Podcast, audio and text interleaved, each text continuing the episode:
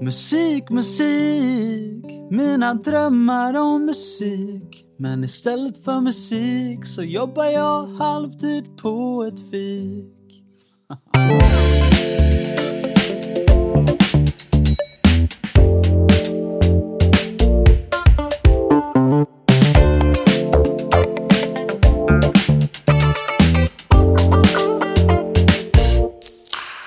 Alltså jobbar man halvtid på ett fik så har man ändå tid att, att liksom göra annat också.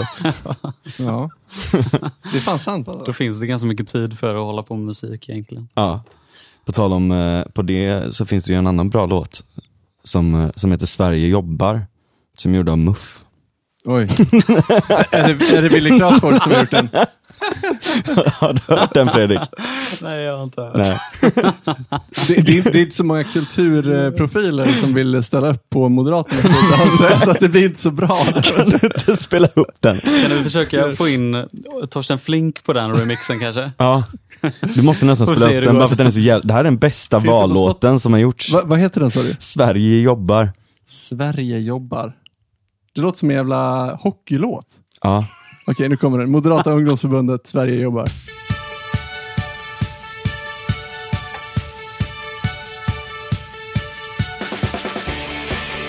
Oh, mycket Jävlar. gitarrer för att Ja. vara... Rockig. Ja. Och grymma syntar också. Ja, Ja. lite så här. Det är vi som gillar Håkan. Jag är sjuksyrran som jobbar övertid. En enda knipp med Hollywoodfruar. Det låter ju som en dålig Magnus Uggla. Ja, verkligen. Hur? Det, lå- det låter som en av Magnus Ugglas sämre låtar. Liksom. Lyssna, men lyssna på hooken nu, den är så jävla bra. och studenten som uppfinner en ny skruv och startar ett nytt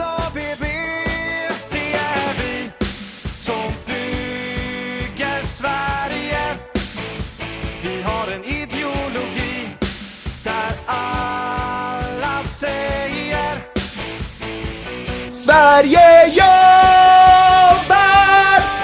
när Sverige är som bäst. Det får räcka så känner jag. Ja, det där var inte säkert att du får att du kan kvalificera till podden. Men ni behövde höra den. Åh, herregud.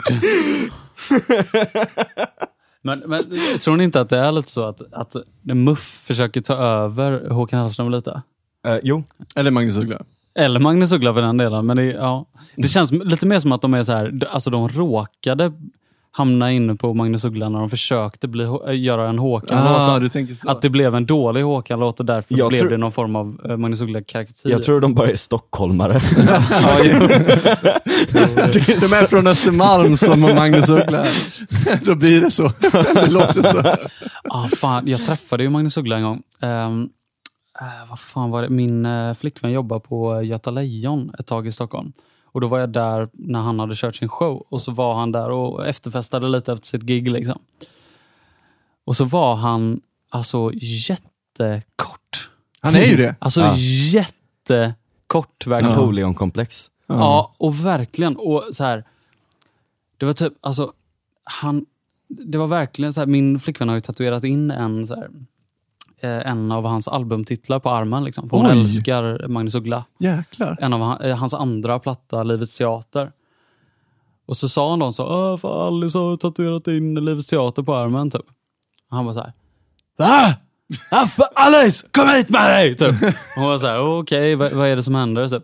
Får jag se tatueringen? Hon bara, så, ja visst och så vidare. Så hon sa, hon ah, fan det är typ eh, min... Alltså så här, jag gill, älskar den plattan jättemycket. Han bara så här, ja då är du nog den enda.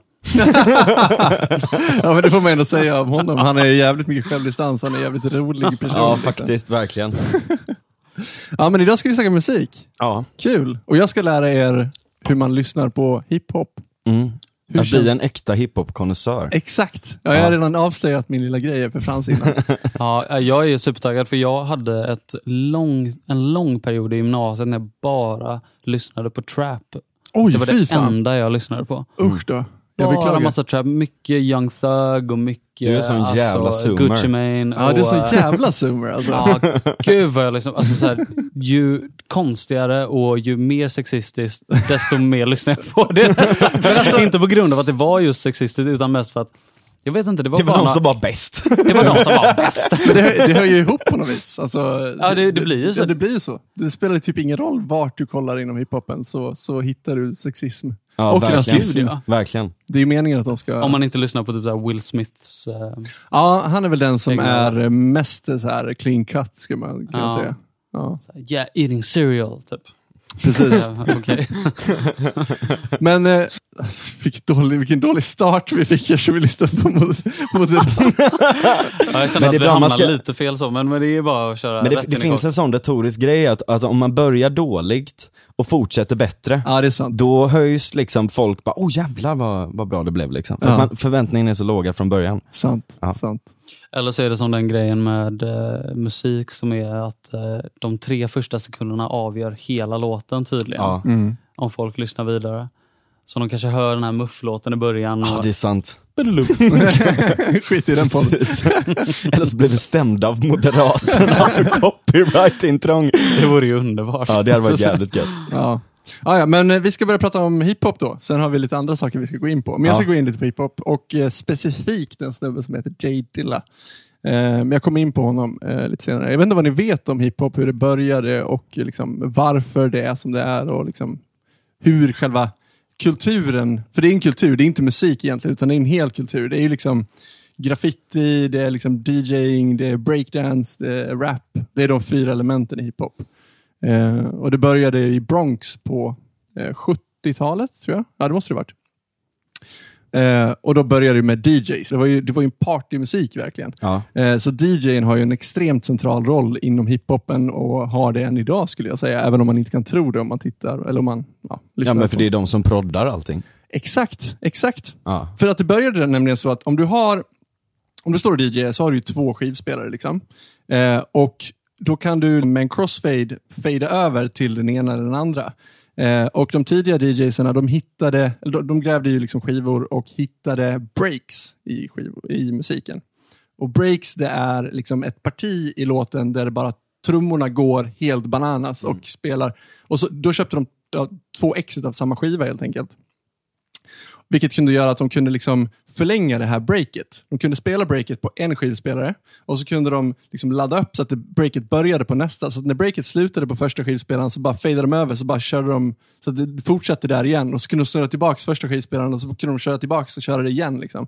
Så det breaket kunde bara fortsätta och fortsätta och fortsätta i flera timmar.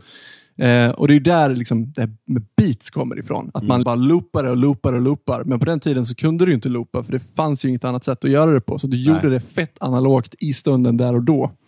Ehm, och det som, det som föll sig så naturligt med det här då, det är att man kunde börja rappa över det här. Och, liksom bara, och det man gjorde då, det var ju bara snacka skit och bara så här, min DJ är fan den bästa DJn, alla andra DJs kan fan dra åt helvete. Och bla bla. Så det var DJn som var det centrala redan på den tiden. Ja. Eh, och sen började man ju släppa skivor och MC'n, alltså den som rappade, det var han som blev artisten. Mm. Vi går ju rakt in i 80-talet sen, när trummaskinen kom. Och sen lite senare i 80-talet så kom samplern. När du kunde verkligen sampla in, du kunde liksom spela in i en maskin, det här breaket då, och så kunde du liksom i maskinen göra att det snurrade. Så du slapp de här jävla skivspelarna och stå och hålla på och krångla med hela tiden. Så du hade den här eh, samplern som bara så här snurrade och snurrade och snurrade. Och sen Sen upptäckte folk att fan, man kan ju typ spela in de här trummorna och sen kan man ta en helt annan låt. Och så kan man lägga den låten ovanpå de här trummorna så blir det en helt ny grej. Och så utvecklades det, utvecklades och så började folk klippa upp trummor. Och bara så här, vi ska ha baskaggen från den här låten, vi ska ha virveltrumman från den här låten, vi ska ha hi-haten från den här låten. Eh, och så ska vi bara bygga ihop det till, en, till ett beat. Liksom. Och då kom eh, en maskin som heter MPC'n. Kom 1988 tror jag. Eh, den är uppbyggd så att du har 16 pads. Eh, och på de här olika padsen som du spelar med att slå med fingrarna på. Alltså det är som en, ja, en trum, trumgrej. Liksom. Du slår med fingrarna. Eh, och där kunde du ladda in vilka ljud du ville på varje pad. Och då blev det jätteenkelt att sitta och liksom, ja, på den här padden, där ska jag ha virveltrumman. Bang!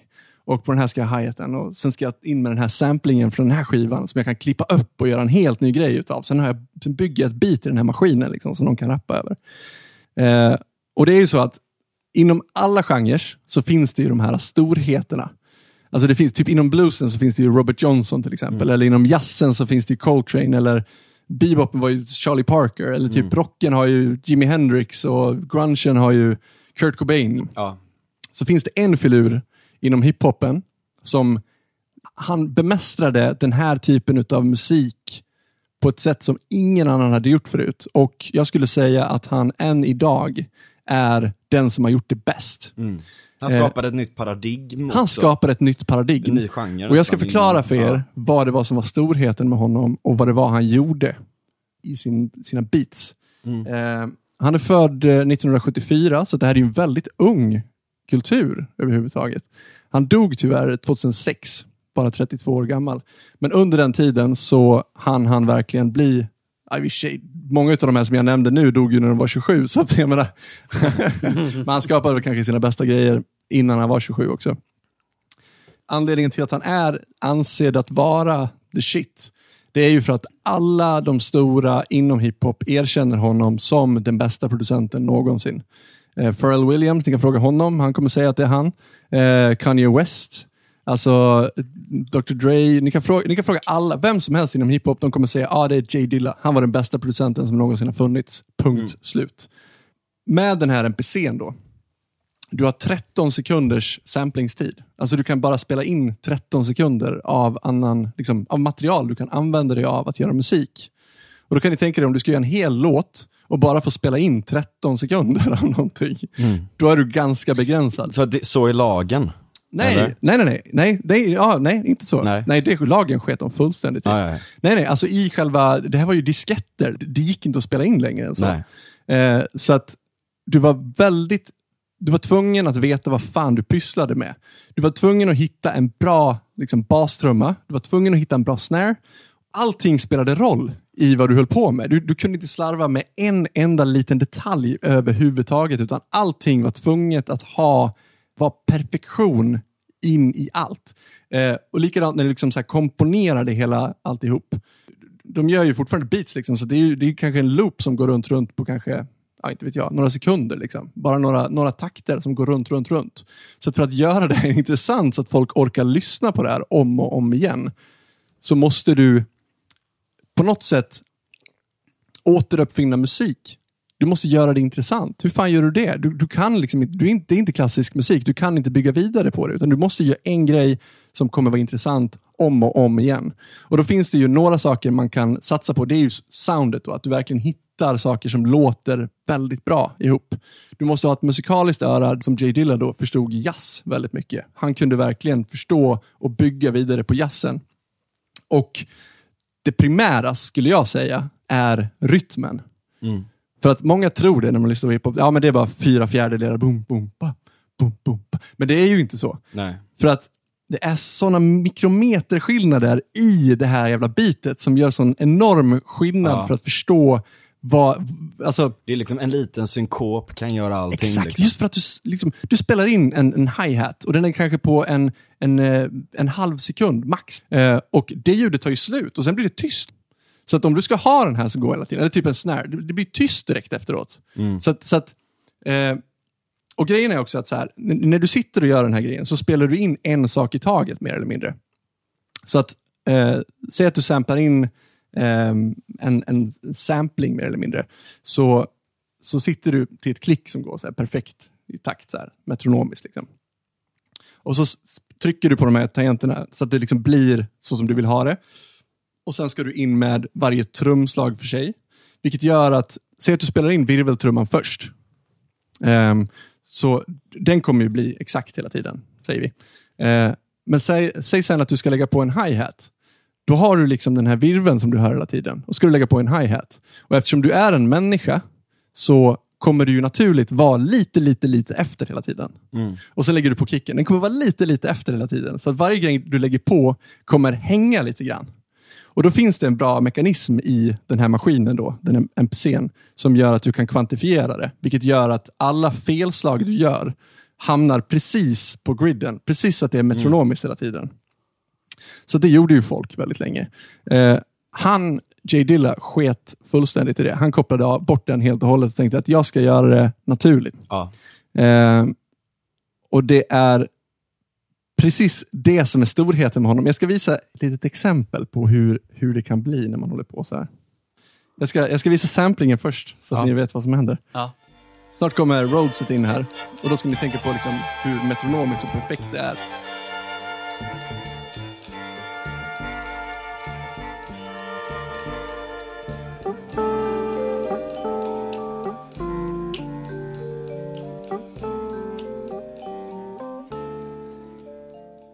Ja, här kommer bitet då. Det här gjorde J. Dilla. Och det här är inte det bästa biten han har gjort. Det här, det här visar jag bara för att demonstrera liksom, vad jag tror att han snubblade över, men hade så jävla bra öra för att förstå vad fan det var som råkade hända och sen gjorde han en hel grej utav det. Först trummorna då.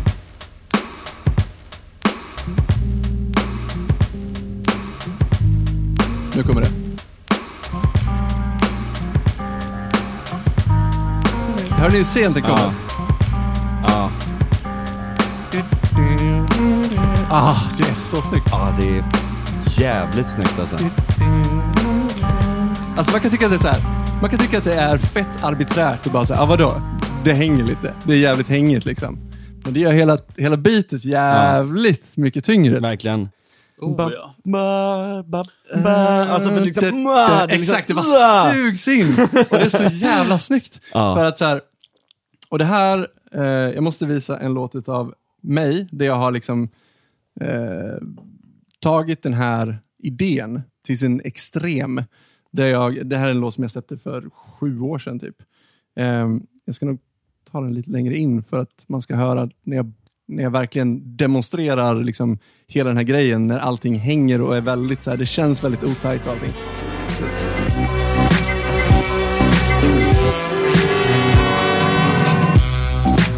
Mm.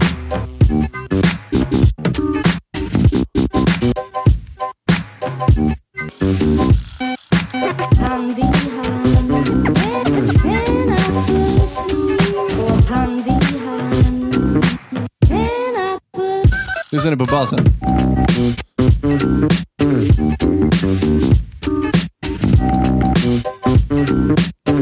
Ja, det är så snyggt alltså. Jävlar. Man, man, man tröttnar liksom inte att lyssna på Nej, det. det är så jävla bra. Ja. Det är samma sak, fan jag hörde den här um, um, P3-låten med Daniel Adams-Ray om hans låt um, Gubben i lådan. Mm. Minns ni den eller? Nej. Den här, fått en flaska i huvudet, Ja, just det, just på det. akuten. Jag var på. Emmaboden när alla slängde sina flaskor mot honom. De stod hela konserten bara för att vänta. Och så spelade han den sist såklart, liksom. så alla hade stått där skitlänge, skitsura. Liksom. Men då så bara flög det ett hav av flaskor mot honom. Liksom. Tsunami. Ja, nej men då, då, um, han pratar ju mycket, om- han är ju rappare från början, Daniel Adams-Ray i Snook. eh, Snook, i Snook liksom. Och han, där, där är det mycket, som du säger, det är mycket hänget det här med att vara lite efteråt. Så berättar han att, eh, för i, i sticket där så sjunger han på det här sättet som basen spelar. Alltså Ja. han, han är lite efter hela tiden. Mm. Och sen så kommer han tillbaka in i groovet liksom, på Mm. ettan efter ett tag. Liksom. På det här med ställ oss båda på en våg och så vidare. Och tydligen så hade Håkan kommit fram till honom någon gång och bara så här. Fan alltså det är en grym låt men alltså i sticket. Alltså jag fick panik alltså. Jag trodde att du var helt ute och cyklade. Men sen kom du in på ettan igen. Jag fattade inte vad som hände. Nej, precis. Och, så här, och Daniel var så här, vadå det, det är klart jag kommer in på ettan, eller vadå, vad snackar du om? Så, så tydligen så har han liksom, ja men alltså att han, att han, för honom så är det självklart för att han är rappare, att man Ja. ska alltid hänga lite och ha lite det här, fått en flaska Ja, och det här är ju en gammal grej. Jag menar, det här gör ju till och med Billie Holiday. Liksom, gör den här grejen. Men Dilla var den första som, som jag skulle säga inkor inkorporerade och förstod det här i hiphopen, hur viktigt det blir. Ja. För att man kan höra sen i hans musik hur han utvecklar eh, hela den här tekniken och, och liksom, eh, bygger musiken kring hela den här grejen. Ja. Som är ett, typ ett misstag som blir när du sitter och håller på med en NPC. Ja. Och Och det är också, jag menar om man ser jazzen där, där alltså nu, nu kommer jag bli liksom mördad av, av min familj när jag säger det här, men hiphop är ju på sätt och vis utvecklingen av jazzen. Absolut. Jazzen, alltså jag vet det finns jättebra jazz i dagens läge också. Mm, Eh, och det har gjorts jättemycket bra jazz, bara, alltså det görs bra jazz hela tiden. Mm. Men hiphopen kommer väldigt mycket från jazzen och byggde vidare jazzen Ja, ja, ja. till någonting annat också. För jazzen eh, jobbar ju väldigt mycket på det där. Alltså dels typ, eh, alltså hela den principen om att ett misstag kan bli det som blir det väl, liksom mest definierade i en låt typ. Det finns en så här bra eh, gammal historia om, eh, om, om eh, jag tror det är Miles Davis typ, att eh, det är någon eh, du vet, de slänger ju bara in folk där, så bara såhär, ah, spela det här nu liksom. Ja. Och så är det någon som råkar ta ett fel ackord. ja. Herbie Hancock. Ja. Ja. Och, och, och, och Miles går upp, han går in i extas och bara fortsätter på den skalan. Ja. Och bara ah, krämar ur den och gör det ännu bättre och bara fortsätter vidare på det. Precis. Och det är det som är så jävla nice med levande musik. Ja. Alltså när man hör att musiken verkligen är levande och när man ser att de här små detaljerna är det som verkligen Exakt, gör det. som blir bärande. Liksom. Det är de som gör det. Det är det som är storheten med Dilla, att han, liksom, här, han förstod, dels så förstod han tystnad i musik. Han förstod de här små pauserna i musiken och hur viktigt det är för rytmen. Ja. Och, och liksom bygga ett beat som inte är helt straight. Mm. Och Jag kommer ihåg första gången jag hörde det här, jag bara såhär, what? Får man göra så här? Liksom. Ja. Det, det här är liksom... Du får, inte, du får liksom inte bryta griden så här. Ja. Jag, jag, innan jag hade hört det här så var jag väldigt så här, grid, allting är grid, allting är så här perfekt. Så här. Ja. Men så bara, Fruity Loops liksom, ja exakt, upplagt. ja, ja, ja. Ja. Och, så, och så gjorde han den här och man var så här, shit det här öppnar ju en helt ny värld. Ja, precis som ni hörde och sen ballade jag ur på hela den här grejen. Liksom. Ja. Och det är inte bara det här att, att vissa saker hänger, utan eh, just eftersom, eh, som jag sa då innan, att, att du spelar ju in varje ljud för sig mer eller mindre. Eh, vilket gör att det första ljudet du spelar in, det, alltså om, om allt annat hänger, så blir ju det att uppleva som att det ljudet kommer för snabbt hela tiden. Ja. Vilket också skapar Ja, en rytm i det. Ja, som är helt, eh, jag ska visa ett exempel på det som blir väldigt tydligt. Tänk på klappen och liksom eh, virveltrumman i, Mm. i det här bitet här. Ja. Det här är ju fantastiskt.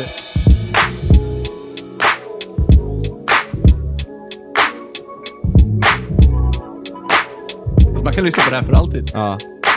Du blir också med en klack, alltså Ja. kidack. Han är så bra på sound också. Allting låter ju svinbra.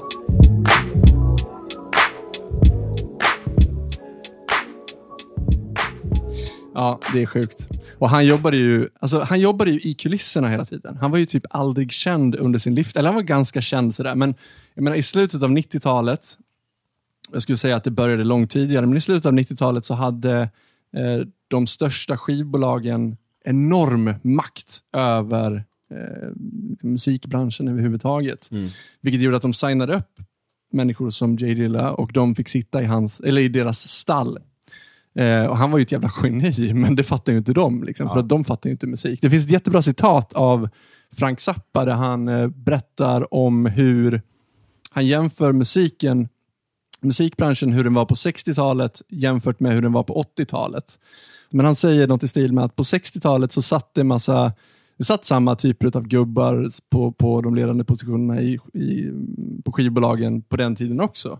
Men de visste om att de inte visste om någonting. Ja. Så de bara så här. Okej, det kommer någon liten snubbe här som kallar sig Jimi Hendrix. Vi har ingen jävla aning vad fan han håller på Jag kommer inte fatta den här musiken överhuvudtaget. Men vi släpper det och testar och kollar hur fan det går. Vi har ingen aning. Ja. Och så blev det som det blev. Det, fanns Typ, en det här liksom... låter gött ändå. Vi kan tänka oss att Ja, det men här är knappt nice. det liksom. typ. De har ingen jävla aning. Liksom. Ja. Vi, vi är bara gubbar som, vi förstår inte, vi förstår inte ungdomen. Liksom. Nej. Vi testar och ser om det flyter. Ja. Vi, tänker inte, vi har ingen jävla aning vad vi pysslar med. Nej, nej, visst. Medan ju längre tiden gick så fick de här människorna mer inflytande och de trodde att de visste vad de höll på med. Det blev liksom centralplanerat i musikbranschen. Att det satt någon jävel på toppen och trodde att den visste vad publiken ville ha. Ja. Och försökte plocka fram det hela tiden. Vilket gjorde att slutet av 90-talet, det var fan det tråkigaste tiden Ja. någonsin. Och det var ju då jag började verkligen förstå och verkligen lyssna på musik. Så att jag satt och liksom kollade på MTV och till slut så kände jag bara att det här är skit. Allt som produceras och som, som kommer upp på den här nivån, det är bara skit. Allting. Ja, För förutom att det- indie, förutom indie Exakt, och det var ju det som var grejen. Ja. Jag, Indieartisterna. jag vill höra, eh, vad har du för exempel på eh, det som var skit? Du vill vill att jag sticker ut hakan här? Ja, jag vill att sticka, för att jag, jag, eftersom att jag föddes på slutet av 90-talet så, Ja. så vet ju inte jag riktigt vad som var skit och vad som var grymt där. Jag tror inte att det är någon utav den musiken som existerar än idag. Utan Nej, det okej, var men det är ju liksom, bra. Det är ju skönt. Ja, fall. Då dagens pop liksom. En låt som liksom fick en musikvideo på MTV och sen Ja. var de bortglömda veckan efter. Men det där känner jag är så jävla mycket just nu också med alla stora bolag. Inte Exakt. minst i Sverige om man lyssnar på svensk pop. Jag blev ju dissad nyligen av, eh, av han som är så här. Vi dricker cava Aperol, det heter sprits för helvete. Nej, kommer jag liksom, det här är rasism mot italienare. Nej, han dissade min estetik. Ja, just det. Eh, eh, och, Vad var det han sa?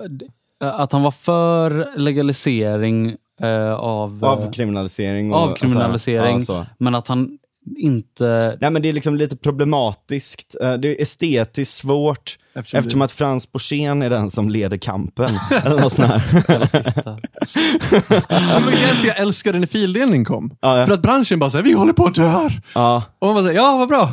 nu kanske vi kommer få ja. se en demokratisering utav den här branschen. Fan vad nice liksom. ja men verkligen Gå liksom. dö. För jag menar hela svensk pop, det låter ju det låter exakt som den, vi dricker cava Aperol-låten. Ja. Och så låter det som, du vet, eh, så här, man, massa Alltså alla de här liksom, poptjejerna som låter likadant, likadant proddat, man kan nästan höra varenda jävla plugin i låtarna. Ja, ja. Eh, det finns några som sticker ut som jag tycker är riktigt jävla bra, typ Miriam Bryant. Mhm. Eh, jag är lite biased också för att hon har varit med Håkan och hon är så jävla grym och schysst och allt sånt där. Men jag tycker verkligen hon har grymma låtar, grym text. Och, och gör sin egen grej ändå. Man hör verkligen att hon har, alltså det är hon som ändå lyser igenom. Ja. Men mycket annat som produceras och mycket som släpps, liksom, jag klarar inte av att lyssna på radio för att det är så fruktansvärt Nej. tråkigt. Och det sjukaste, det här draget till sin spets verkligen, det är ju nu att det finns till och med AI nu, alltså artificiell intelligens, som har liksom då crunchat hitlåtar och hittat vad det är som eh, slår. Ja. Och då går man efter dem så att när en ny låt Hur produceras, hittar jag denna informationen? nej men då, då är det så här, då, då, då, då testar man nya låtar mot den här algoritmen Ja. för att se hur, hur bra den kan slå. Och så satsar man extra mycket på det, eller mindre då. Ja. Och det är ju Fan, vad jag, jag fruktansvärt. Ja, det är så, det är så Fan. vidrigt alltså. Det är verkligen det. Och inte för att jag spontant har någonting emot maskiner och deras liksom inverkan på musiken. Det, kan, alltså det, det har ju liksom historiskt sett gett eh, förändringspotential och Ja, tvingat verkligen. musiker att tänka om. Och det Dilla kommer jag gå in på sen Ja, också. Dilla är ett väldigt bra exempel på det. Ja. Jag ska ta det, apropå just den här grejen då, eftersom han blev mer eller mindre satt i ett stall då i USA, så, eh, så släppte han en skiva, jag tror att det var 2002, då hade han känt att så här, ah, nej, nu skiter jag i det här. Så jag kontaktade ett litet indie-label i Tyskland för att släppa min nästa typ EP. Så han släppte en EP med dem som heter Rough Draft. Eh, och den är extremt rough. Och den vinylen, alltså det var ju ett bolag med ganska få resurser. Liksom, så den vinylen, det, det, det låter liksom inte bra. Eh, och sen några år senare så blev han, det blev en väldigt, väldigt snabb genomgång över hans karriär och hans gärning. Men sen några år senare så blev han väldigt sjuk och eh, mer eller mindre låg på dö- dödsbädden. Och då var det ett litet label i Los Angeles som såg till att hans musik kunde ges ut. Eh, och då var det en kille som hette Kelly Hibbert som eh, fick tag i hans gamla mixar. Eh, och han är ju superproffs på att mixa och, och så. Så han mixade om hela den skivan så att eh, Stones Throw kunde ge ut Rough Draft. Eh, visserligen som Kelly Hibbert hade mixat den, men det var ändå en Dilla-skiva. Och sen dog han och så vidare. Eh, sen dog han och så vidare. sen, sen dog han. Det är det som är grejen med att dö, det finns inget att säga. Nej, precis. Ja, jag, måste, jag måste bara berätta en jävligt rolig anekdot angående det här. Um, apropå det jag håller på med nu och, och berättar om angående här Kelly Hibbert. Ehm, för några år sedan när jag startade mitt eh, band tillsammans med min sambo Sandra då, eh, på Mona Dream som vi heter, som, som Frans har gjort reklam för nu på Ja, Twitter. de är så jävla bra alltså. Ja, men i alla fall. Då hade jag spannat in den här Kelly Hibbert och jag tänkte att så här, är det någon som ska mastra vår musik så är det fan han som ska göra det. Så vi skrev till han hösten 2015 och bara så här. Hej, vi, vi är en startup från eh, Sverige. Eh, det här är vår musik eh, och eh, skulle kunna spela upp den låten. Skulle du vilja mastra vår musik? Han bara, ja lätt. Ja. Eh, Jag ska, jag ska nog fan spela upp den låten också. Gör för det, den, den är, just för att den är ett bra exempel på just den här grejen då, som, som, eh, som jag snott från Dilla. Så jag tror att det var därför han fattade och ville jobba med oss överhuvudtaget. Look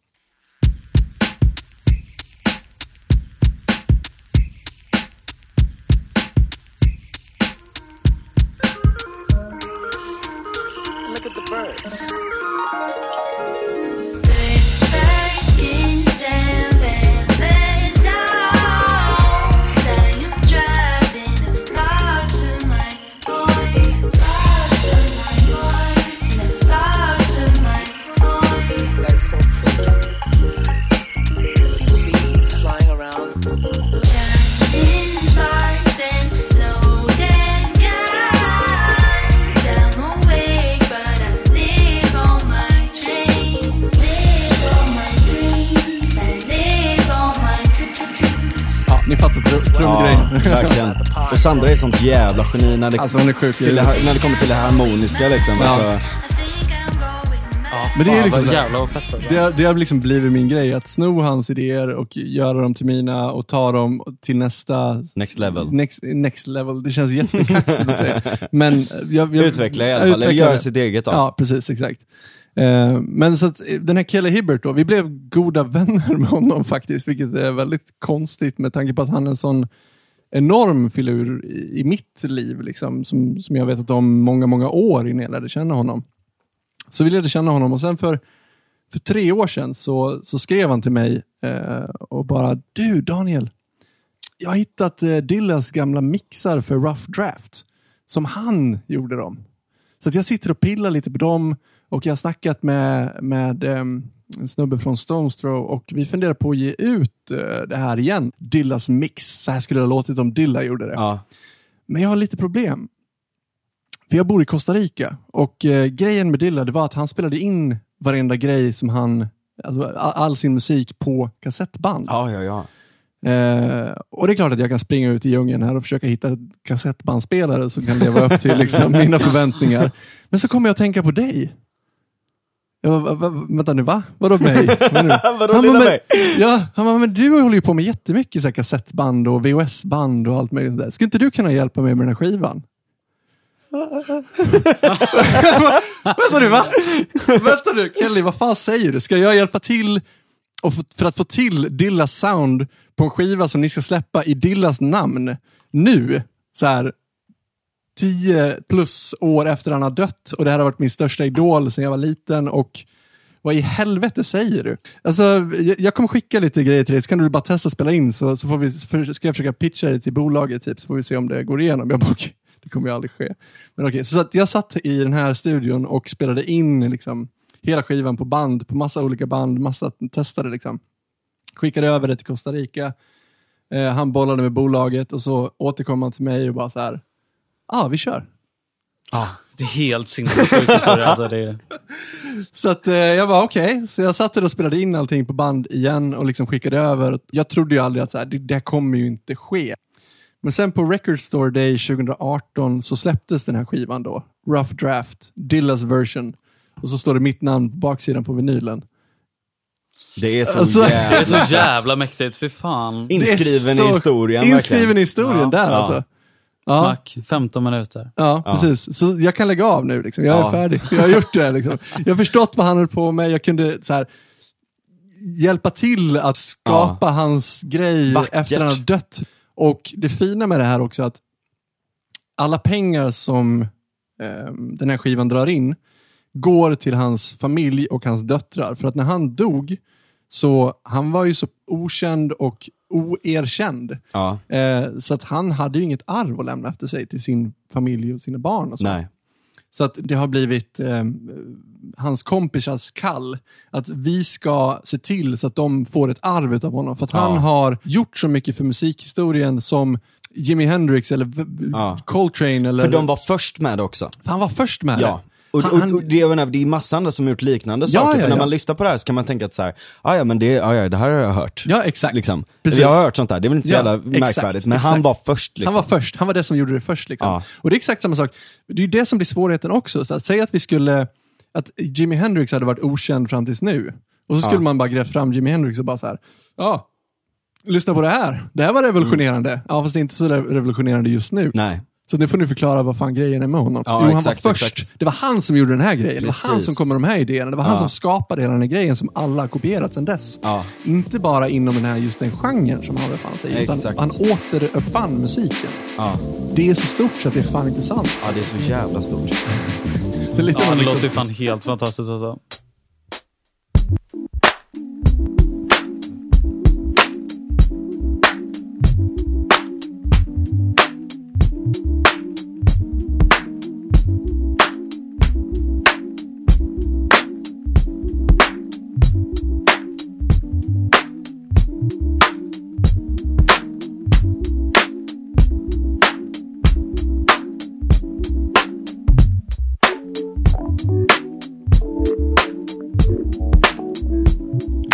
Men, han, eh, men J Dilla som du snackade om nu. Hur, tror du han söp mycket eller? Nej, det tror jag absolut inte. Jag tror att han var... Okej. Nej, han kanske rökte lite weed typ, men jag tror inte att det var mer än så. Nej, Han var ju sån han var inte en partyprisse liksom. Nej, han var en, en nörd, en tönt som satt i sin källare och gjorde beats med sitt liv. Det var det han gjorde. Mm. Om han inte var ute och spelade liksom live och så. Så att eh, musiken var det centrala i hans liv. Eh, han var ingen... eh, han levde inte hårt så. Han, han, blev, han blev sjuk helt enkelt och fick en ovanlig blodsjukdom, vilket gjorde att han dog. Mm. Tragiskt. Och när var det han coola? 2006. Ja. 32 år hann han bli, precis. Mm. Tragiskt, tråkigt. Ja, väldigt tråkigt. Otroligt eh, tragiskt. Ja. Och han är en sån som, eh, eh, som, som många andra blir upptäckta efter sin död mer eller mindre. Han var Mm. ju upptäckt innan också såklart, men först nu... Fick sitt erkännande ja, mer eller mindre Ja. kan man väl säga så ja. Precis. Men å andra sidan, ja det är tragiskt på sätt och vis, men å andra sidan, alltså, om, om man tänker för sig själv typ, hade jag, jag är ju en underbar person och jag har Mm. gjort stordåd. Nej, jag skojar. nej, men, nej jag skojar, men har man gjort en jävla massa, alltså väldigt mycket, det finns ju den här liksom idén om att om du skrivs in i historien så dör du aldrig. Just det. Och, och, och det tycker jag ändå, det finns någonting i det där. Mm. Absolut, du får inte erfara det. Men du blir fortfarande inskriven i historien och du blir fortfarande en del av... Ja, och just eftersom du är död så kan du definieras. Ja. Jag tror att det är många som, som slår igenom, som blir skitstora, som blir inskrivna i historien medan de lever, har svårt att ta sig vidare ifrån det. Eh, det finns ju några som har verkligen lyckats med det, typ Bob Dylan till exempel, som bara Ja. där återuppfinner sig själv hela tiden och gör något nytt och bråkar med sina fans hela tiden. Mer eller Ja. mindre. Jag vet inte om han gör det nu längre, men han gjorde ju det i alla fall när han var Ja, ja. Han var ju väldigt liberal också. Ja, ja. Alltså, Han var ju så här, alla försökte klistra någon så här socialistkampgrej på honom. Samma han bara, med Frank off, Zappa. Liksom. Samma ja, ja. med Frank Zappa. Ja, ja, verkligen. Älskar Frank Zappa. Inte bara för hans musik, utan för hans person. Han var ju fan helt underbar. Ja. Älskar den Han, det finns en anekdot som, som eh, min pappa berättat för mig eh, någon gång om att han står i Tyskland och det är så här, det är liksom fortfarande det- liksom, don't mention the war. Ja, just det. Liksom. Eh, och han står där och bara, jag kommer inte börja spela förrän ni börjar heila. Vilken jobbig jävel. alltså. Ja, så jävla jobbig. Alla bara, nej, skruvar lite på sig så här, fan vad jobbigt liksom. Eh, och så bara så här, nej nej nej, alltså, jag, på allvar, jag kommer inte börja spela förrän ni börjar heila liksom. Och efter ett tag så ett, två, tre, heil! Du vet såhär. Och hela publiken försöker han heilar. liksom, nej nej, han försöker Ah, liksom, okej, och du vet så här, efter ett tag får han med sig några, och till slut får han med sig hela publiken. Mm. Och då säger han, You did it again. och så går han av scen. Frank Zappa 1, Tyskland Ja. 0. Ja, Exakt. verkligen alltså. Ja, han vann. Han vann. Ja. Jag hade ju tänkt att ta vidare här då, alltså du har ju gått in väldigt mycket på the old school och liksom de, eh, de, de gamla i det här och du har haft ett väldigt mycket Amerikafokus här. Mm. Ehm, jag är ju en anglofil, jag tycker ju att, eh, alltså, rule Britannia, Britannia rules the waves. Ja, då är vi två runt detta bordet. Nej men, eh, och, eh, eh, och, och, och grejen är att så här, de, alltså England har ju haft, eller UK har haft en sån jävla stor scen i massa olika grejer och ofta så förknippar man ju liksom indie-scenen, om vi snackar 90-tal med liksom Blur, Oasis och alla de som stack upp. Men de har ju dessutom lagt grunden för väldigt mycket elektronisk musik. Ja, absolut. Ehm, och i väldigt många olika varianter och sådär. De startade rave-scenen. På sätt och vis, kan man säga. Med brytraves, liksom att du bröt dig in i lagerlokaler och festade olagligt där. De startade triphoppen också som hade en enorm inverkan på hiphopen också. Ja, Så att, verkligen. eh, UK har haft väldigt mycket inflytande i väldigt många olika mu- musikgenrer. Exakt liksom. Och det som, som jag har fascinerats så otroligt mycket av är de här röda trådarna från, eh, som har gått till samtida musik, eh, väldigt mycket då. Dels hip, alltså hur det har påverkat hiphopen, eh, hur det har påverkat eh, i viss mån EDM också med, med grunden i den elektroniska musiken. Men där är ju USA väldigt starka också med housen och liksom allt sånt. Och Sverige väl? Eh, jo, senare då. Ja, okej. Eh, absolut. Eh, mycket senare. Eh, den svenska housevågen och sådär. Ja, just det. Men, men, men det är liksom, det finns ju en del då grejer som, som, som är väldigt kopplat till UK och det är UK Garage, Dubstep och Drum and Bass. Ehm, och det finns tusen andra saker att snacka om. Men det här ligger mig nära hjärtat. Ja. För att jag älskar alla de grejerna. Jag minns eh, när jag började rava i Göteborg. Så, eh, så fanns det ett ställe ute på, eh, på Hisingen eh, i Hildedal som hette Elektro Illegal. Och alla, all, alla intäkter, eller alla, alltså allt plus liksom gick till ingen människa illegal. Eh, och uh, så där brukade jag gå och då var det två stycken crews då, ett som hette UK, eller eh, nej, förlåt, ett som hette Dubstep Bastards och ett som hette Frequency. Och då hade de två stycken olika rum, ett körde dubstep och ett körde drum and bass. Du kollar på mig som att jag är tusen år gammal nu. Nej, nej, nej. nej. Jag, jag, jag kollar på det med, med en blick av, eh, jag önskar vara där. Ja. Alltså, Det- det, känns som att jag hade älskat detta. Ja, Alltså jag, jag älskar, ja men, vad sa du att detta är elektroillegal? ja. Ja, jag älskar ju elektro, måste jag Ja, ändå säga. ja. Och, och illegala saker är ju, det är jävligt det är roligt. jävligt kul också. Alltså, älskar ju illegalt. Inte allt illegalt. Nej, Ja, absolut inte. Alltså inte mörda människor. Nej. Nej, och kanske inte så här, men våldtäkt är väl inte nej, jättekul. det, är- det är inte så jävla va? kul heller. Liksom. Det finns massa jobbiga saker som är illegala, men däremot knark och, och brytraves. Jag visste Nej, att du skulle komma in på det. Nej men, eh, det finns en väldigt bra, eh, det här var, jag kommer ihåg 2014 höll de fortfarande på, jag vet inte om det var eh, s- de som körde då, men jag minns att då var det valrörelse, jag hade på mig en center, Centerpartiets ungdomsbundspin. Aj, aj, Eh, aj. och så var jag där inne och köttade stenhårt och eh, dansade liksom.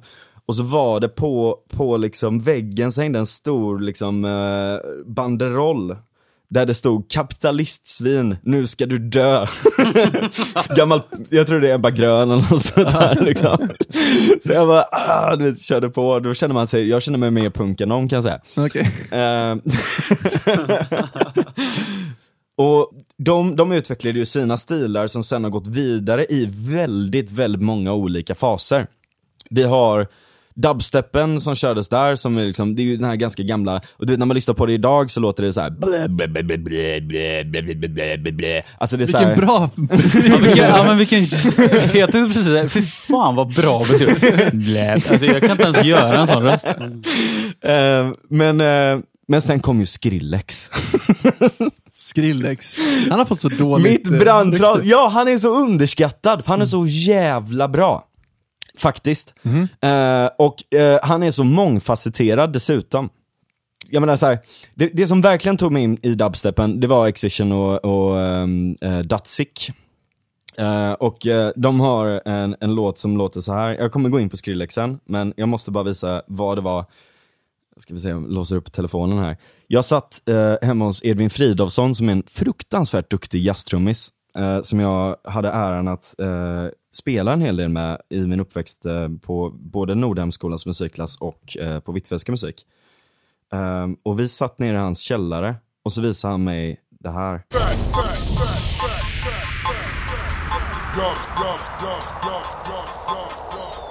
Det här är amerikanare förresten.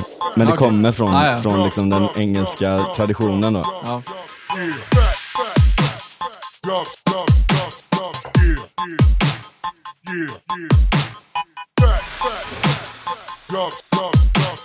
Guess I got my swagger back. Guess I got my swagger back. Jag var ju swag innan alla andra.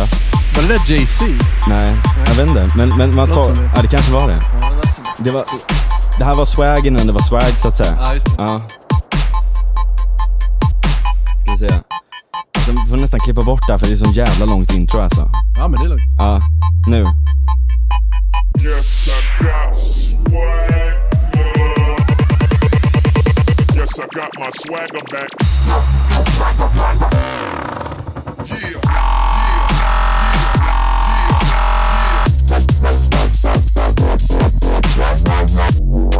Ja.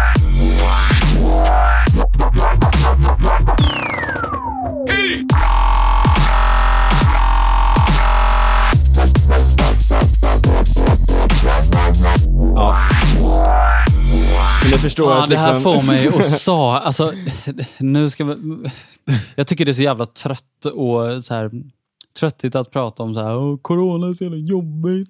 Ja. Typ. Men fan vad det här får mig att sakna att så här, vara ute på Pustervik eller någonting, whatever, och bara dansa lite. Ja, ja, verkligen alltså, här, alltså. och liksom, och bara svettas och typ Ja, ja, liksom spilla verkligen, ut alltså. sin öl. Typ. Verkligen alltså. Jag saknar, jag saknar Emmaboda när jag tänker på det här. Ja, men du, har ju hört, du har ju hört mina, mina fötter, hur de låter. Men det, det, det klickar hela tiden.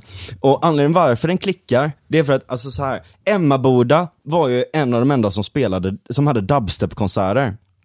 Och när väl de här dubstep-konserterna var, då fuckade jag ur. Alltså, och jag jag hade nästan en tradition av att stuka foten varje Emmaboda. och så fortsätter jag dansa och rava på den. liksom. Axeln ur led, foten ur led, alltså allting är ur led. Eh, men, eh, eh, men det här är ju väldigt, väldigt tidigt. Men jag kan ju tänka, jag var ju så här 13-14 bast. Hade aldrig hört någonting i närheten av det här. Ja. Och it fucking blew my mind. Och nu när man sitter och lyssnar på det så är det så här, fan vilka kassa syntar. Och det här är ju färskvara. All elektronisk musik är sån jävla färskvara för att utvecklingen går så jävla snabbt.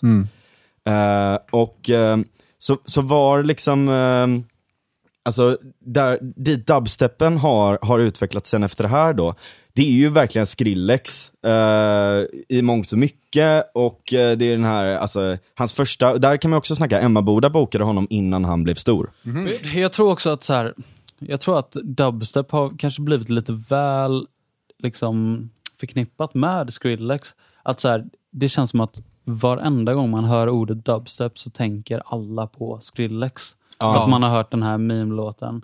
Wo- Ja, exakt.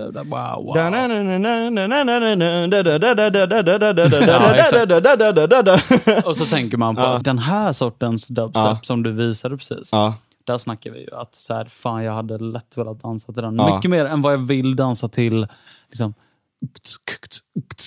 ukts, som det är på varje rave Ja. nu. Jag tycker också Nej, om fast det. det är ju inte ens det. Det där är ju nästan UK gar- Garage-aktigt. Det är liksom snarare boom, boom, boom, boom, boom, boom. Ja, jo, exakt. liksom, det finns ju, jag har ju lagt ut en, jag har lagt ut en video på dig, eh, Frans, på Twitter, när, Ja. du, eh, när vi, du och jag i somras var på väg mot ett rave. Ja. Och vi hade druckit några bärs innan och jag filmade dig när, man, när du går och så dansar du till ravemusiken samtidigt som du dricker öl. Typ. Ja. Där hör man ju exakt vilken typ av ravemusik som det är Ja, ja, just nu. alltså. För de personerna som lyssnar på detta som inte brukar rava. Det är bara dun, dun, dun, dun, dun, dun, dun. Det är ingen så här, alltså så här, man hade ju velat höra någonting lite annorlunda någon gång som är bara helt fuckat. Jag får nästan visa, jag ska försöka hitta en sån jävla bra låt här som, som är ett väldigt bra exempel på de här techno-DJsarna, de blev ju ett tag typ så här bland mina gymnasiekompisar och sånt där, att de blev ju de nya rockstjärnorna. Att så här, såg man en, liksom en DJ som stod och så här Alltså som bara körde low pass och high pass filter liksom. ja. Alltså alla eh, personer som liksom alla personer som var på ravet såg, stod bara helt i trans och bara kollade på den här personen och bara så här, shit vad snygg typ. Och sexig typ. Och man bara så här, va? Det, här, det, är en, det är en vanlig snubbe liksom. Men det är bara, alltså det blev den nya rockstjärnan att de, så här, att de stod där in the center liksom och bara så här, var den som fick folk att dansa. Tackar vet jag spela skivor, riktiga skivor. Alltså vinylskivor. Ja. Det är ju den typen av DJ jag är. Det är ju långt ifrån den typen av DJ som jag är. Jag är ju lite mer, eh, du vet, ladda ner eh, virtual DJ på, eh, på datorn och sen så kör jag nedladdade låtar från Pirate Bay typ. Här har vi det. Rätt. Vad är det här då? Det här är, det här är techno.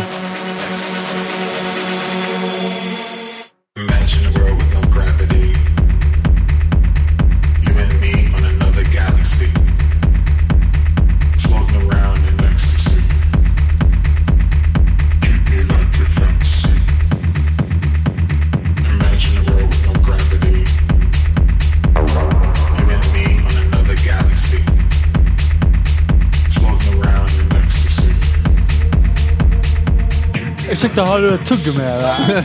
Jag, skulle, jag skulle inte kunna få tuggummi av dig. Ja. det är ju fett, jag älskar det här, men, men det är ju också lite så här, det är lite synd att det bara är det. Kan man ju tycka. Att det bara är vad? Att det bara är den här sortens... eh, Jaha, på rave? Ja, att det bara Ah, okej. är techno liksom. För jag menar, om man kollar då, alltså det finns ju en jävla massa bra drum and bass också. Eh, och jag menar det som spelades eh, där och då, alltså på ele- Electro Illegal, det är ju, det är ju liksom till historien då. Men, men det som är ganska intressant är vad, alltså hur, hur drum and bassen har utvecklats. Eh, och, och jag tänkte visa, jag tänkte visa liksom två olika grejer, för att den ena, den ena scenen är ju jungle. Eh, och det är ju liksom mer att man har en MC, alltså en rappare, som rappar över, alltså över hela bitet liksom. Och, och här kan vi se då Unglued som är en, eh, en liksom kontemporär drum and bass artist som är så jävla grym. Och det här är inte riktigt jungle, eh, det finns annan, alltså mer som är jungle, men just bara den här traditionen av att ha en MC över DJ-andet liksom. We say welcome.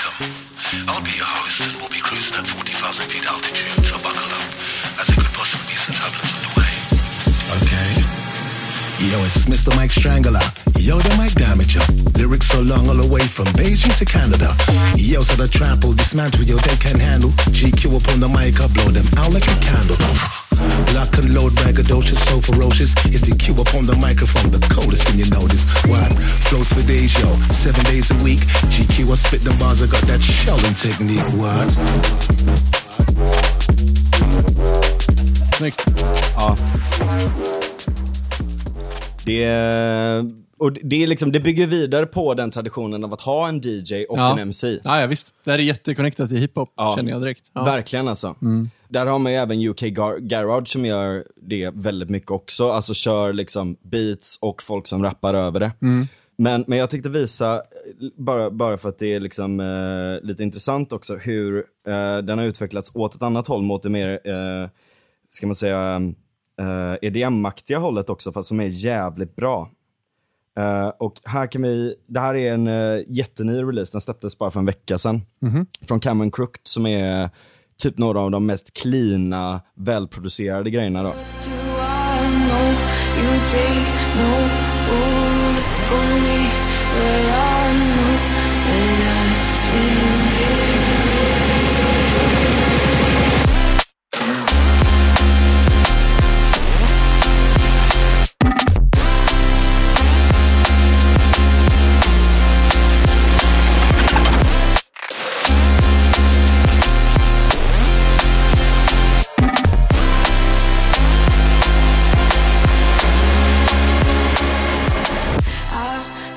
Jävligt clean, alltså det är supercleana grejer. Ja, välproducerat så in i helvete. Precis, och de driver ju verkligen, alltså alla de här ljuden, det är ju liksom Alltså i så många olika branscher samtidigt, för jag menar helt plötsligt så kommer så här uh, housen med olika nya ljud, bam, då, tar man, då, då liksom ser alla de andra olika elektroniska musikstilarna det, tar det, inkorporerar de Ja. sortens ljud i sina grejer. Det är sånt som är intressant. Verkligen Ja. alltså. Och sen kommer, sen kommer dubsteppen med något helt nytt sjukt ljud. Mm. Och då tar det till basshousen och så blir det liksom en grej runt det där då. Just det.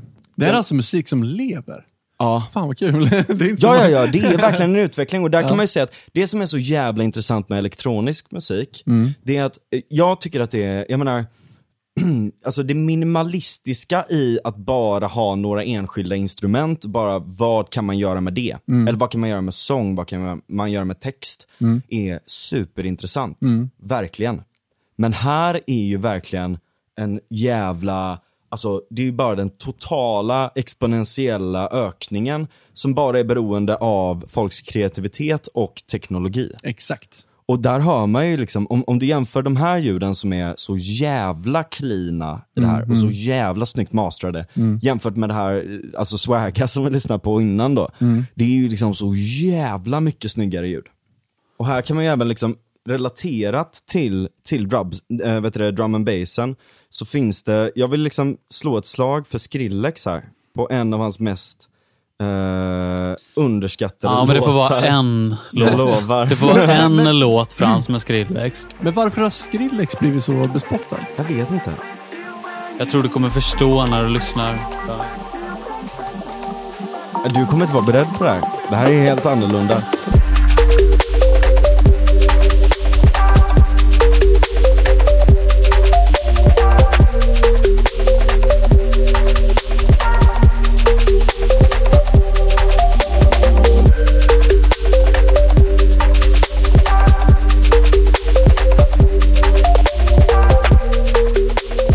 Här är ju liksom, här kan man ju säga att det här är liquid drum and bassens utveckling också. Det här är lite långsammare och det har mycket med det här släpiga liksom. Och det är snyggt med sidechainen. Sidechainen gör ju typ allt. Ja, För de som inte vet vad sidechain är, så typ, om man hör när, när, när det liksom bastrumma, nu säger jag bastrumma, det är inte ett ord jag brukar använda, jag brukar säga kick. När det kicken kommer in, alltså allting Ja, ja, duckar för den och bara så, så blir det tyst i typ en millisekund och sen Ja. kommer upp igen. Liksom. Det är en Det är väl det som är en av ehm, grundlagarna i eh, house typ. verkligen. Att det låter liksom... Mm, mm, mm. Exakt, precis. Exakt. så. Exakt. Ja. Det är väl eh, det lättaste sättet att förklara en sidechain och, och det som du sa, så här, mm, mm, mm. Också någonting som Jay Ja. Dilla tog till hiphopen. Ja, ja verkligen igen. alltså. Verkligen. Mm. Eh, och, och nu känns det som att jag har spelat så jävla mycket musik här. Jag hade några andra låtar Vet du vad du också har gjort väldigt mycket? Vadå? Sagt jävla. Ja, men jag gör alltid det. Man måste få betona saker. Alltså innan jag kör liksom, eh, några avslutande grejer då, så, så kör jag fan, jag kör på bara. Jag hoppas att ni lyssnare tycker att det här är lika intressant som jag tycker. Det är din podd Frans, det spelar ingen roll. Ja. För det här är också, om man ser då, alltså på tal om Alltså hela den grejen. Och, och liksom det här, mycket i UK Garage är liksom så här keffa, konstiga syntar så här. Punk, punk, punk, punk. Alltså så här, mycket så här konstiga grejer liksom. Eh, men, men här är ju Disclosure som är mitt absoluta favoritband. Som släppte nyligen med Slow Tie då. älskar slowet här. Ja. Must be out of your mind. You look so sad, have a spliff, get high, she bad. Yeah, she racking up ten lines. Come and take a walk on the wild side. And I beg nobody fucking up my vibe. Ain't nobody take the pop on my stride. And a man don't dance, got too much pride. When we raise our glossy, go gloss in the eye. I friend, I make the whole world blind. Don't fuck up my high.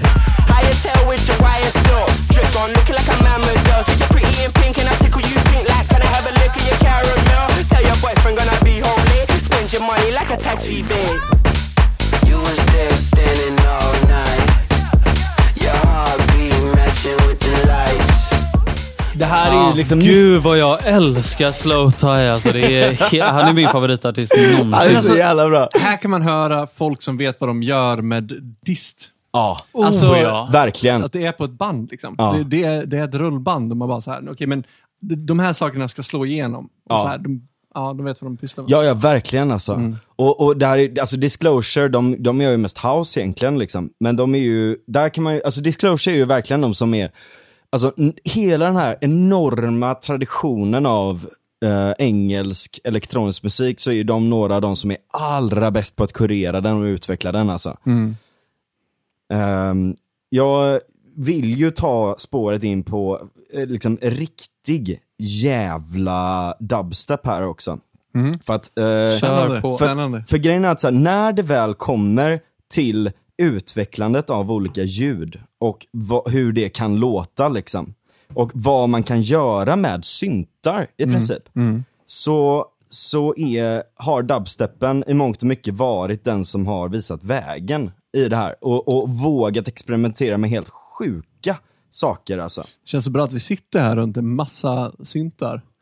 Vi har ju liksom en, en DX7, Ja. någon sorts Dave Smith-synt, en Moog, ett gammalt Rhodes här från 70-talet och sen har vi någon Yamaha. Ja, vi har lite allt möjligt. smått och Mamma, gott. mamma, mamma, mamma. Ja. Jag hade kunnat checka upp de här syntarna om det var så. Alltså. Nu ska ni få höra någonting djävulskt där. Och jag tycker texten på den är sådär, men det är i alla fall jävligt bra, eh, jävligt bra tryck. och den här har också drum and bass i sig, som, alltså utvecklingen av drum and bass som är drumstep då, som är dubstep-influerad drum and bass. Som vi kommer höra sen.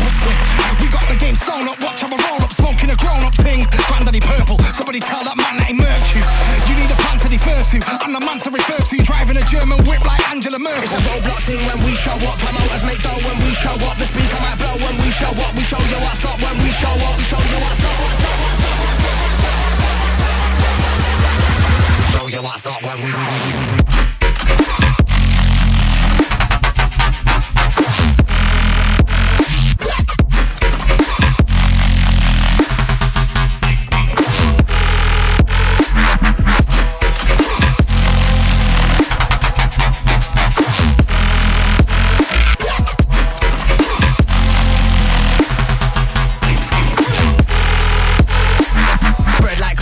Jag måste bara visa, här också, efter, efter liksom det nästa då. Här har vi lite drum and bass som kommer in i liksom det här som det har utvecklats till i symbios med drumstep, eller med dubstepen då, som kallas drumstep då. Mm.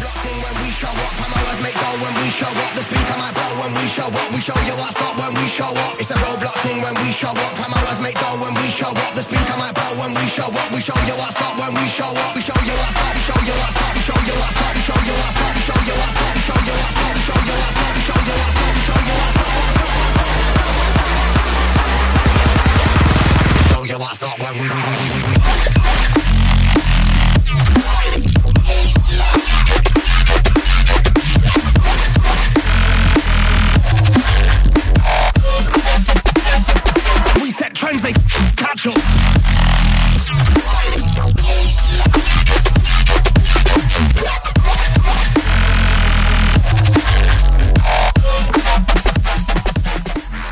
Jävlar alltså. Jävlar alltså. Frågan är, men är, är detta killig musik eller är det... Det är det här som är det värsta liksom. Det största problemet, Otroligt killig musik! vad, vad menar du med killig musik? grabbig liksom. Det är Ja, macho men det är liksom. otroligt grabbig musik.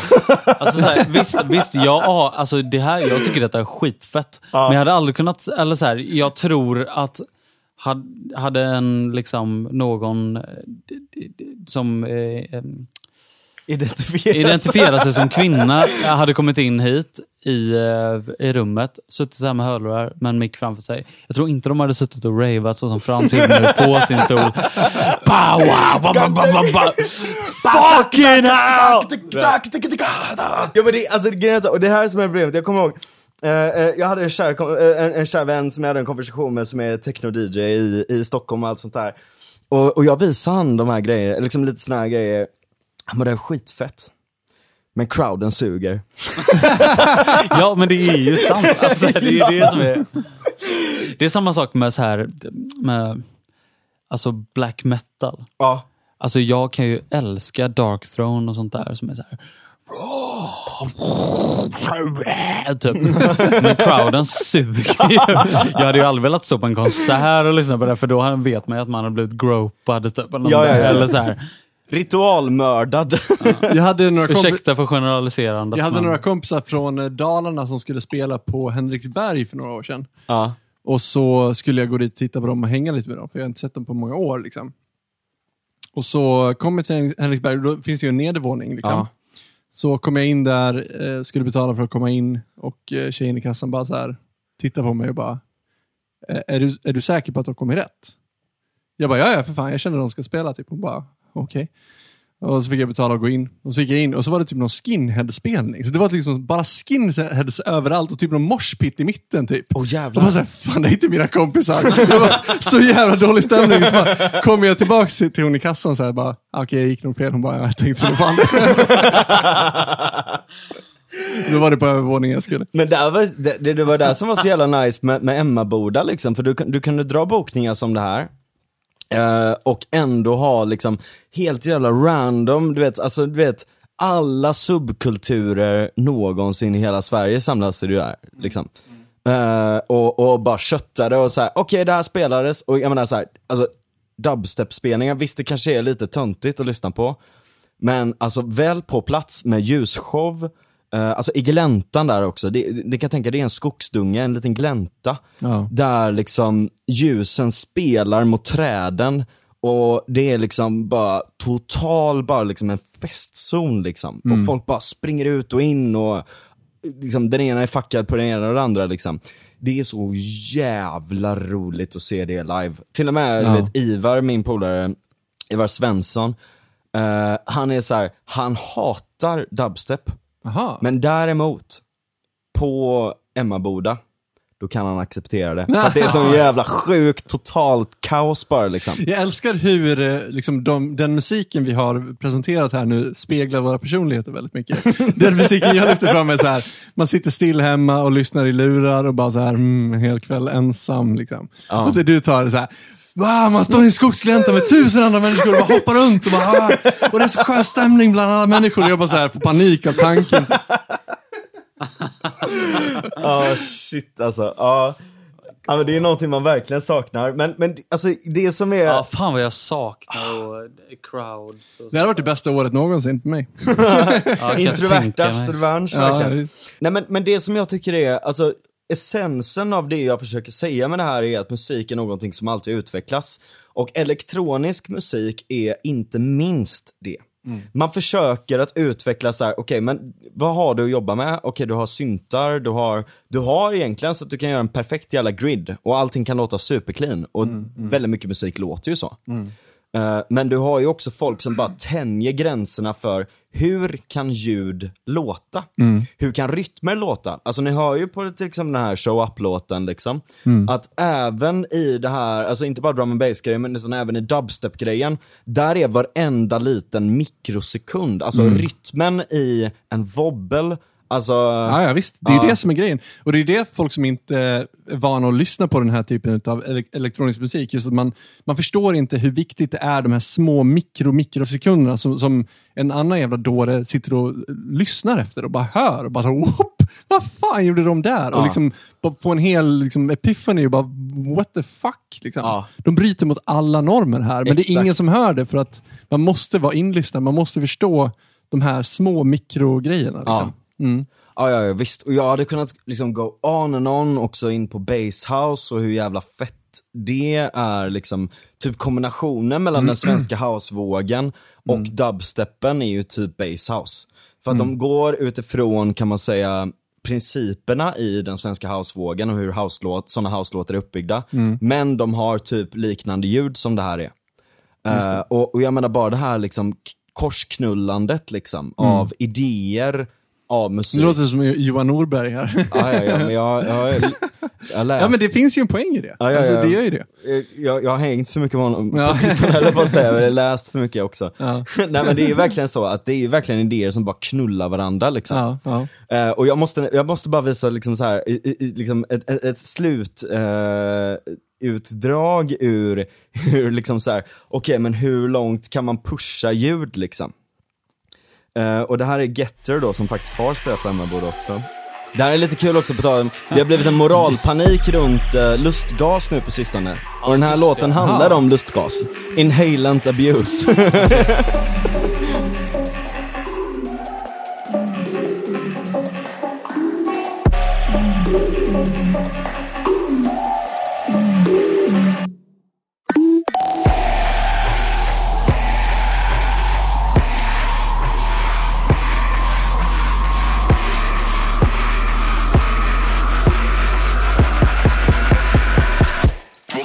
woofing is my week.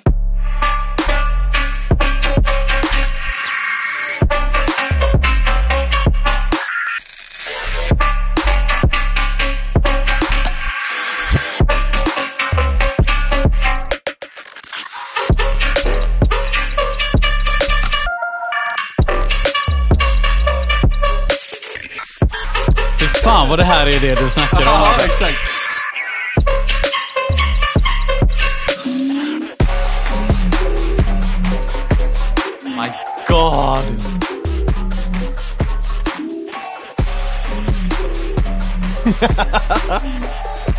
Tänk er Slowtie kör alltså rant över detta. Ja,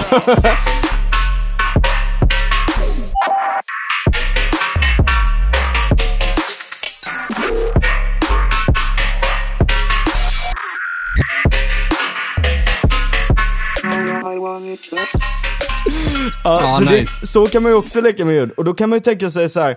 det här är ljud som man aldrig hört någonstans överhuvudtaget. Men, nu kommer kognitionsvetenskapen in. Ja, det.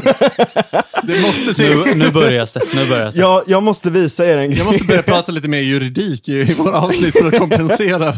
Jag måste visa er en grej, för jag, jag satt och lyssnade på, inför det här avsnittet. Nu drar jag ut på tiden så jävla mycket här. Men Det gör ingenting, jag klipper bort dig sen. Here's one more example, which shows just how quickly the brain can use new predictions to change what we consciously experience. Okej, Have a lyssna på det här listen to ljudet. this. lyssna på det här ljudet nu. Sounded strange, right? Have a listen again and see if you can get anything. Still strange. Now listen to this. I think Brexit is a really terrible idea. With Terrible JD. idea. Um, so you heard some words there, right? Now listen to the first sound again. I'm just going to replay it. Lyssna på det igen nu. Yeah? So you can now hear words there once more for luck.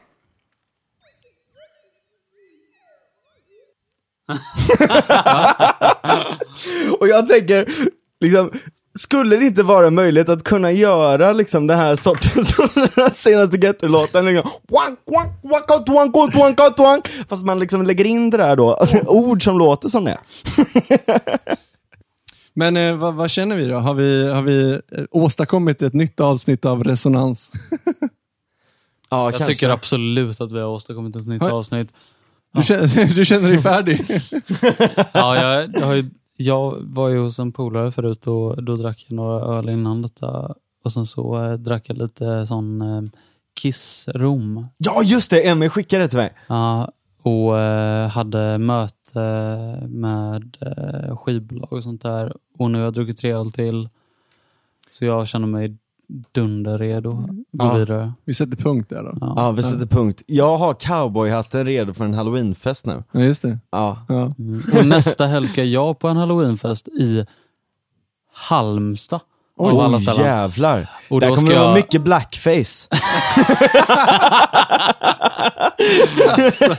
Jag ska däremot vara uh, whiteface tänkte jag. Jag ska Aha. vara clown, så, eh, eller uh, narr liksom. Ja, just det. Så, uh, Joker-liknande. Ja. Det är din grej nu. Det har blivit min grej nu. Ja. Det har faktiskt blivit min grej. Ja. Ehm, eller blivit, jag har fått någon fetisch för det här med uh, Jester-grejen. Liksom. Ja. Så eh, det ska jag klä ut mig till. Ja. Härligt. Ja. Då sätter vi punkt. Tack för idag. Tack för idag.